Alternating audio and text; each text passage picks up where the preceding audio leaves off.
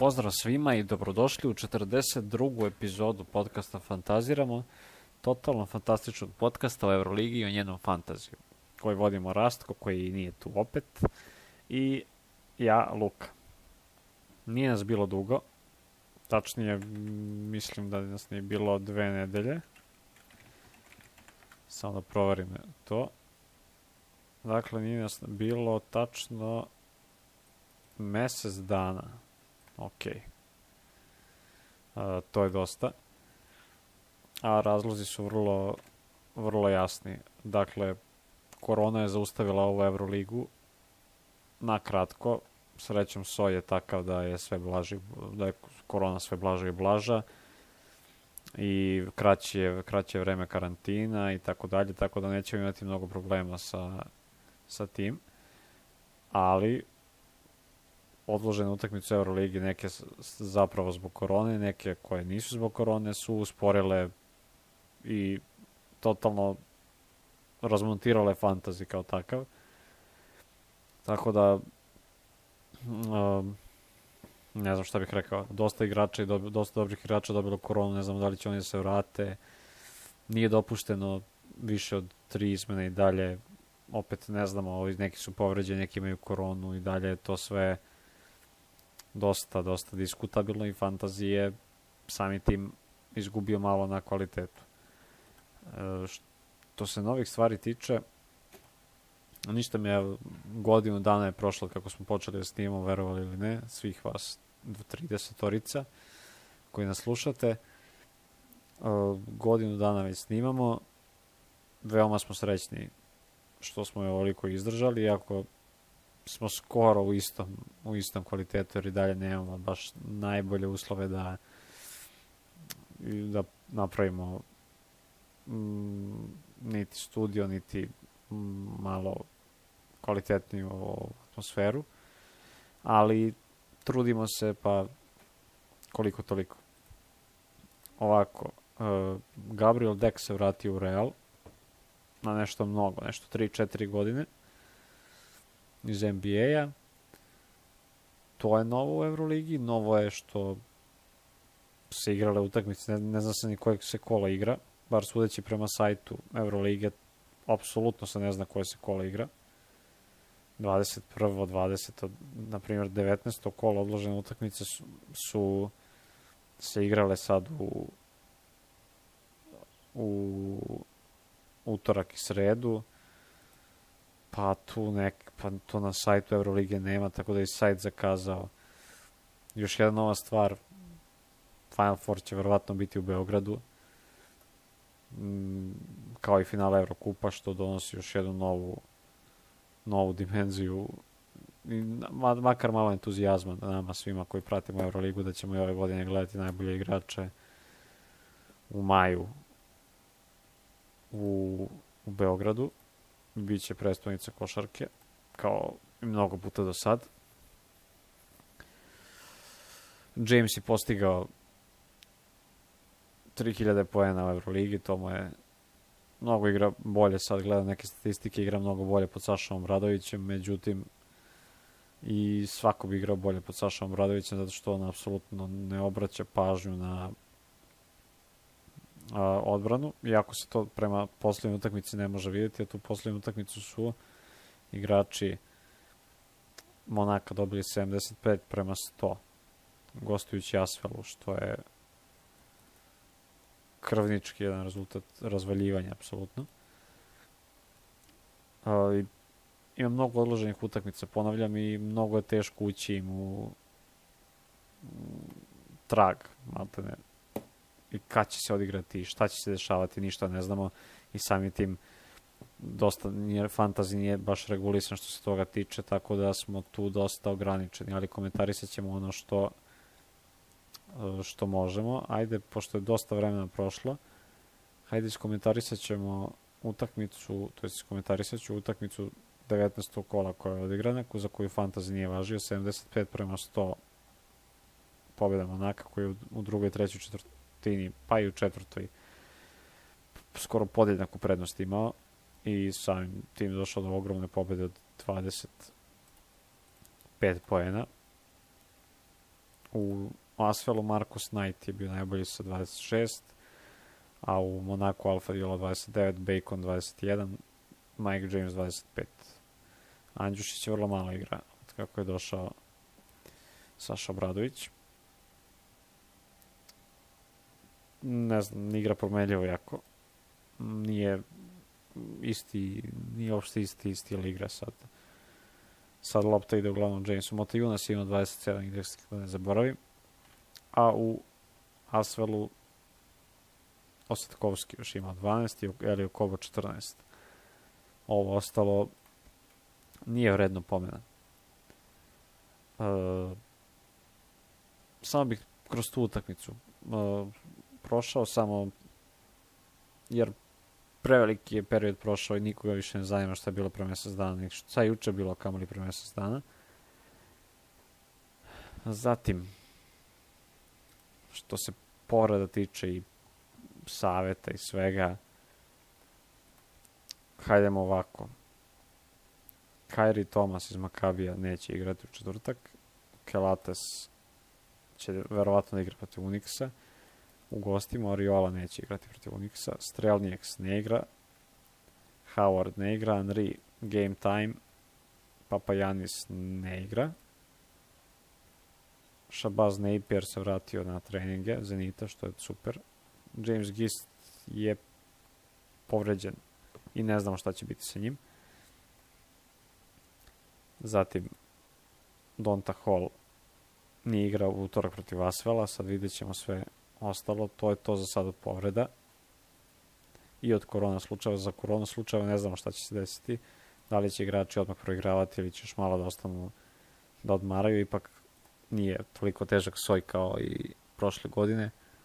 I s druge strane vidim dosta Britanija je kao prva mada razumljivo sa velikim procentom vakcinisanih Britanija je Engleska, Velika Britanija otvorili su otvorili su se, dakle nema više maski od ne znam kog datuma i nema maski u školama i tako dalje. Pa pozdržavat će se svi, ali srećom neće, neće biti veliki broj slučajeva koji su fatalni. Tako se nadamo da će da se sve vrati u normalu do maja kada možemo svi da uživamo u najboljem sportu na svetu, u najboljem gradu na svetu. Što se preporuka tiče od trenera, ovo će biti još jedna od onih kratkih emisija, nažalost. Od trenera ja mogu da vam preporučim gotovo siguran izbor Sašu Đorđevića. Dosta rade, dosta rade u, u sali, dosta su dosta napreduju i Saša Đorđević je jedan od najsigurnijih izbora u ovom kolu. I među njima još Pff, Mikov praktično. Pablo Laso recimo. Ali Saša Đorđević za 7,8 je sasvim super izbor za neki može se za 20 pojena čak.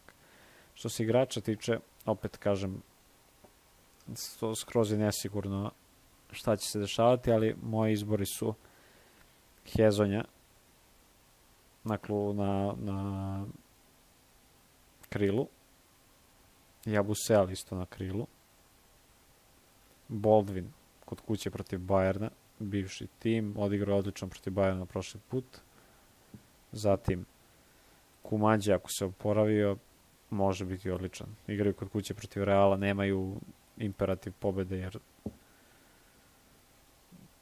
mislim imaju, ajde, ne budem serator sad, ali Alba sa 6-12, Real sa 15-3. Rasterećena je Alba i za samim tim će potrudit će se da, da, bude, da bude jako da barem parira Realu koliko god to može. Real koji tamo dolazi bez Tavaresa mm, sa Jabuseleom i Pojorijevom vidjet ćemo šta će tu da se desi. Povreda Tavaresa prošle, m, prošlom kolu je donela dosta to je dosta ljudi je zeznula. Nažalost dešava se i to je to u suštini snimio snimamo podcast, to snimam podcast samo kako bih nastavio jer ovo je suludo da ne znamo kad je koje kolo, da u fantaziju je ovo kolo se igra, ovo se ne igra, sa 19, ostajemo, ostajemo bez 19. kola, nećemo ga verovatno jer se prilagođavamo onome što, što je zapravo u stvarnosti kao što se prilagođava fantazi. Dakle, vidite da se utakmice ne igraju sve u isto vreme. Naravno da neće takmičenje da se prilagođava fantaziju, naravno. Tako da verovatno ostajemo bez kola broj 19. Na nečiju žalost, na nečiju sreću, ali ostajemo bez kola broj 19. Od igrača koje biste još mogli da na koje biste još mogli da obratite pažnju su Lorenzo Brown, odličan je 13,2, Jordan Lloyd protiv Monaka 11,7. To će bude šuterski duel sa Jamesom. Zatim Voigtman, Elio Koba protiv Zvezde. Može se razmisliti o, o, o tom rešenju. Znači, Abusel, Hezonja, Baldwin, Elio Kobo, Lorenzo Brown, Chris Jones isto protiv Zvezde u, u Parizu. U Lyonu, izvinjam se. Mislim da će Gabriel Deck zaigrati mež, koji minut već u prvoj utakmici. Devin Booker će biti dobar. I mogli biste pokušati sa Jordanom Mikijem, nije dugo. Od jeftinijih igrača tu su već da Jović, nisam spomenuo Jović, došao u Panathinaikos, to isto još jedan od finih transfera. Da, od jeftinih igrača malo dolo, nećemo, nećemo sa njim da se nećemo njega zanemariti za ovo kolo. Dakle, Modolo isto 9,2 ista cena kao Jović, s tim što je Modolo u potpunoj formi, tako da biće jako biće jako kvalitetan. A Jović cena 9,2 nije nešto baš realno, ali dobro na primjer, skuplji od Enoka. Vidite, i Enok isto. Znači, ima dosta stvarno izbora za ovo kolo, vidjet ćemo. A samo tri izmene. Totalno je poremetilo ovo pomeranje i odlaganje, totalno je poremetilo sistem takmičenja i sad, pogotovo u fantaziju, to je sad totalno da ne možeš da izmeniš igrača koje mogli su da daju šest izmena barem i kao da bude ok, ali dobro. I ono average, totalno računanje proseč, proseka poena samo zbog toga što se te utakmice ne igraju. Mislim, nije se igralo cijelo kolo, ali računaš prosek, ne znam, baš je, i kad se ne igra većina, ne računaš prosek, baš je glupo. To je jedan od mana ovogodišnjeg fantazije. I što se tiče mm, rezultata utakmice, Unix Barsa, verovatno će Unix da dobije. To se igra u četvrtak u pet popodne. Zenit, Monako, Biće jako zanimljiva utakmica, ja tipujem Zenit, Fener, Žalgiris, Fener, Alba, Madrid, možda i Alba dobio, ali teško. Makabi, Olimpijakos, tu će dobiti isto jako teško, pretpostavljivo. CSKA Armani isto jako teško, Efes Panathinaikos trebalo bi Efes, Baskonija Bayern vrlo zanimljiva utakmica i Asfel Zvezda vrlo zanimljiva utakmica. Tako da vidjet ćemo, ne znam. Mm, Zvezda zavisi da li će da oporavljeni od korone da igraju. I da li su se zapravo oporavili, to isto niko ne zna i dalje. I to bi u suštini bilo to nastavljamo i ove godine da snimamo podcast i nadamo se da ćemo imati neku vrstu potvrde zvanične da, da će Final Four biti ove godine u Beogradu i da ćemo moći da na neki način uveličamo taj naš Final Four i da ćemo uveličati malo i podcast nekim gostovanjem učesnika Final Fora. To bi bilo to bi bilo najbolje od svega. To je plan za ovu godinu, ako to uspe barem nešto od toga, super. Možete nas i dalje slušati na Spotify-u, YouTube-u, Podcast RS, Pocket Castu, uh, Google podcastima i to je to. Hvala vam. Mnogo bi nam značilo sad da se svako od vas koji sluša ovo redovno, a, ne, a nije se pretplatio, da se pretplati na naš YouTube kanal, iako imamo 30 slušalaca. Mm, I to je to. Čujemo se već pred naredno kolo, koje ne znamo kad će biti. Ne možemo sa sigurnošću da utvrdimo da se neka utakmica opet neće odložiti. Tako da, hvala što nas slušate i pozdrav.